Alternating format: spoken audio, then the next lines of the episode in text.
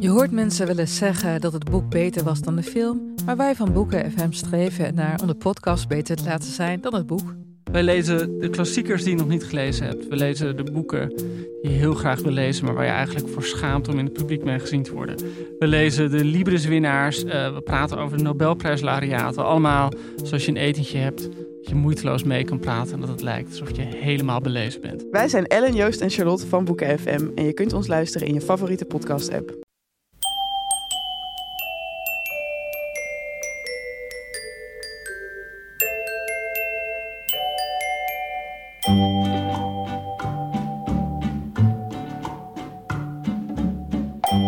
Welkom bij aflevering 263 van Echt Gebeurd.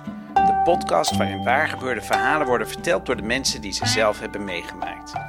In deze aflevering een verhaal van Sietse Wilman. Hij vertelde het in februari bij ons tijdens een verhalenmiddag met als thema Naakt.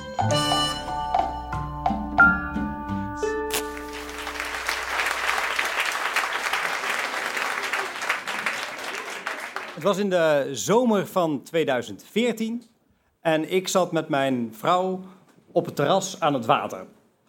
Of ik zeg uh, aan het water, ik kan beter zeggen op het water. Het was een uh, terras aan de, aan de Friese meren, de Vierde Ier, voor de niet-Friestaligen onder ons, de Wijde E.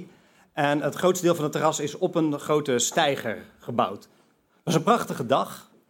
De zon scheen, het hele meer zat vol met uh, zeilboten. Dus overal zag je die witte zeilen zo heen en weer gaan. Maar tussen ons ging het op dat moment niet zo goed. We hadden een heel serieus gesprek over of we nog wel met elkaar verder moesten. Het was niet dat we niet meer van elkaar hielden of elkaar verwijten maakten, maar meer dat er de afgelopen tijd zoveel narigheid was gebeurd dat er tussen ons in was komen te staan. We hadden elkaar uh, twaalf jaar daarvoor leren kennen toen we allebei studeerden in Groningen er waren uh, op een paar vrienden die dat al een beetje zo zagen gebeuren. Dat wij misschien wel eens goed bij elkaar zouden kunnen passen. Ze probeerden ons aan elkaar te koppelen.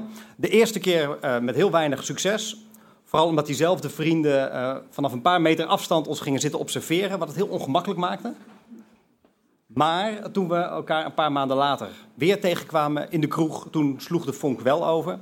En vanaf dat moment ging het eigenlijk allemaal heel snel en heel erg vanzelfsprekend.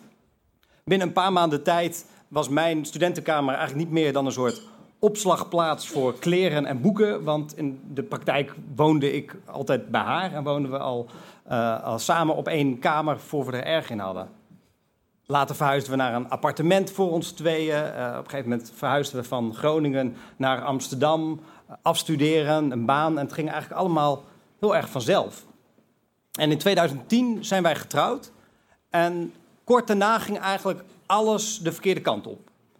We kwamen erachter dat uh, haar vader ziek was en die is ruim een jaar later ook uh, overleden. Wat een heel heftig, intens verdriet bij haar natuurlijk teweegbracht. En waardoor ik haar ook eigenlijk niet meer echt kon bereiken, naar mijn gevoel. Dat kwam tussen ons in te staan. En daarop aansluitend kwam uh, dat wij heel graag een kindje wilden, dat maar niet wilde komen. Dus we liepen ook ziekenhuis in, ziekenhuis uit. En na verloop van tijd, na verloop van een aantal jaren, liep er zo hoog op dat we echt op een punt waren gekomen dat we van ja, heeft dit nog wel zin? Werkt dit nog wel? Kunnen we niet beter uit elkaar gaan? Wat wil je dan? Even eruit. Tijd voor jezelf, tijd voor elkaar. Wij naar Friesland, waar mijn broer net uh, daarvoor een vakantiehuisje had gekocht. Dat was nog niet helemaal ingericht, maar we mochten er wel alvast in. En de eerste dag dat we daar waren, dachten we, nou, laten we maar lekker wat gaan drinken bij café-restaurant Ierzicht. Op dat mooie terras op het water. Uh, dus daar zaten we met een heel moeilijk gesprek, terwijl om ons heen iedereen de zomer aan het vieren was. En ik zat een beetje met mijn trouwring te spelen. Dat, dat deed ik eigenlijk al uh, sinds we getrouwd waren en ik die ring om had. Dat was ik niet gewend, sieraden dragen. Dus ik, ik zat er een beetje mee te frutselen. En ineens vloog die ring uit mijn hand. Tak op een plank, tak op een andere plank, plop, er doorheen. En ik verstarde meteen mijn, mijn blik, ik fixeerde mijn blik op de plek uh, waar hij er doorheen was gevallen. Zoals ik vroeger ook deed als ik met voetbal weer zijn bal de bosjes in had geschoten. Dan meteen onthouden waar hij erin ging. Want dat helpt je, helpt je met zoeken.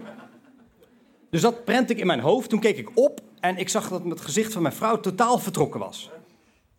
En het eerste wat ze zei is: Wat ben je ook een lul? En ik dacht, dat is niet goed.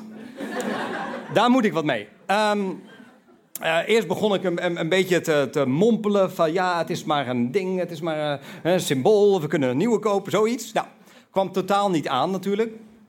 Ik heb nog tegen een ober uh, geroepen, 100 euro als iemand hem vindt. Nou, die nam dat ter kennisgeving aan. Dus was voor mij wel duidelijk, ik kon maar één ding doen en dat was ten overstaan van dat volle terras. Mijn kleren uittrekken tot op mijn onderbroek, naakt het water ingaan. En ik moet heel eerlijk bekennen, uh, niet zozeer omdat ik de hoop had om dat terug te vinden, maar wel omdat ik dacht, ik moet in ieder geval laten zien dat ik mijn best doe. Dus ik ben daar het water uh, uh, ingegaan en ik kroop daar zo onder de planken van die steiger een beetje rond. in het begin had ik het gevoel dat het nog wel redelijk lukte, want de bodem was vrij stevig, maar die voelde ik natuurlijk steeds meer om. En ik had mijn vrouw daarboven die me dan moest aanwijzen waar ik dan precies moest gaan tasten en moest gaan zoeken. Ik heb nog een oude vork gevonden. Uh, wat, wat, andere rommel. En ik hoorde de mensen boven mij, die daar op dat terras zaten, ook praten. Zo van, ja, hè, uh, dit en dit is er gebeurd. Gaat natuurlijk nooit lukken. Ik denk ook dat ze zich vrij voelden om zo erover te praten, omdat uh, ze mij niet konden zien, want ik zat onder hun voeten natuurlijk.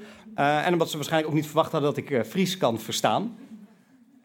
Maar ik kreeg zelf ook steeds meer het gevoel van, ja, dit, dit gaat niet lukken. Hoe lang moet je je inzet blijven tonen, terwijl je langzamerhand steeds meer ervan overtuigd raakt dat het niet zoveel zin meer heeft? Mijn vrouw had ondertussen een ingeving gehad, die was naar de keuken gelopen en die had daar zo'n groot stalen uh, vergiet gevraagd. Die kreeg ze te leen en uh, die gaf ze aan mij, dus ik weer, nou ja, dankjewel, uh, onder die planken. Ik zat daar een beetje als een soort golem uh, in een hol zo te scheppen en te zoeken naar die ring. En ik had zo'n hele vergiet vol met, met, met modder en takken en, en troep. En ik kwam daar zo onderuit, want het was vrij donker daar. En ik van, ja, ik, ga maar zo kijken. En ik wilde hem al bijna met een grote zwiep leeggooien, zo in het water. Toen ik dacht, nou, ik doe dit even langzaam. En voorzichtig ging zo die modder uit dat vergiet. En toen zag ik hem ertussen zitten. Dus ik hield hem zo heel triomfantelijk op en ik zei: Kijk eens. En zij keek en haar uh, gezicht brak open en ze moest om, om lachen. En ik heb hem gauw weer uh, om mijn vinger geschoven. Uh, ik ben uit het water geklommen. Ik heb die kleren weer aangetrokken. Ik stonk naar slootwater. Het, het droop nog een beetje van mij af, maar dat maakte eigenlijk niet meer zo heel veel uit. We hebben bier besteld. We hebben bitterballen besteld. De sfeer was eigenlijk totaal omgeslagen. We zijn naar dat vakantiehuisje gegaan. We hebben gevreden met elkaar. En het was natuurlijk niet dat daardoor ineens alles was opgelost. Maar het gaf ons wel hoop en vertrouwen dat het zou kunnen. Dat als we ons best zouden blijven doen, dat het dan goed zou komen. En dat ook soms tegen alle verwachtingen in dingen gebeuren die je heel graag wilt. En dat gebeurde ook uiteindelijk ook. Um, anderhalf jaar uh, geleden hebben wij een, een kindje gekregen. Uh, deze zomer zijn we uh, tien jaar getrouwd. En ik kan het nooit met zekerheid zeggen, maar ik denk dat het terugvinden van die ring daar heel belangrijk in is geweest. Ik weet nog de dag daarna, toen was de vrouw van mijn broer uh, samen met mij in een, in een roeibootje. Met een van hun kinderen waren we een stukje aan het varen. En ik vertelde zo heel in het kort dit verhaal van, goh, ring in het water laten vallen en weer teruggevonden. En zij zei toen lachend van, ja, want je weet het hè, als je je ring kwijtraakt, dan moet je scheiden. En ik denk dat zij tot op de dag van vandaag niet weet hoe dicht ze toen misschien wel bij de waarheid zat.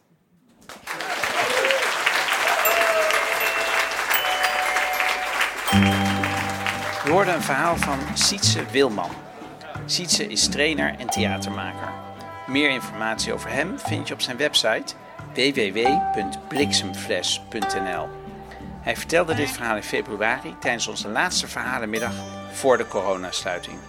We hopen dat we na de zomervakantie weer als vanouds verhalenmiddagen kunnen organiseren op onze vaste stek Comedy Club Toemler in Amsterdam. Maar het is allemaal natuurlijk nogal onzeker. Je kan ons volgen op sociale media als je op de hoogte wilt blijven. En ons, dat is de redactie van Echt Gebeurd. Paulien, Rosa, Sanne, Maarten, mijzelf, Micha en onze productieleider Eva. Onze zaaltechnicus Jasper en de podcast gemaakt door Gijsbert. Tot zover aflevering 263. Tot volgende week En onthoud, als je deze dagen tijdens een belangrijk diner door de hitte bevangen wordt, laat dan je trouwring in het water plonsen en iedereen zal begrijpen dat je een paar tellen later in je onderbroek achter de ring aanduikt.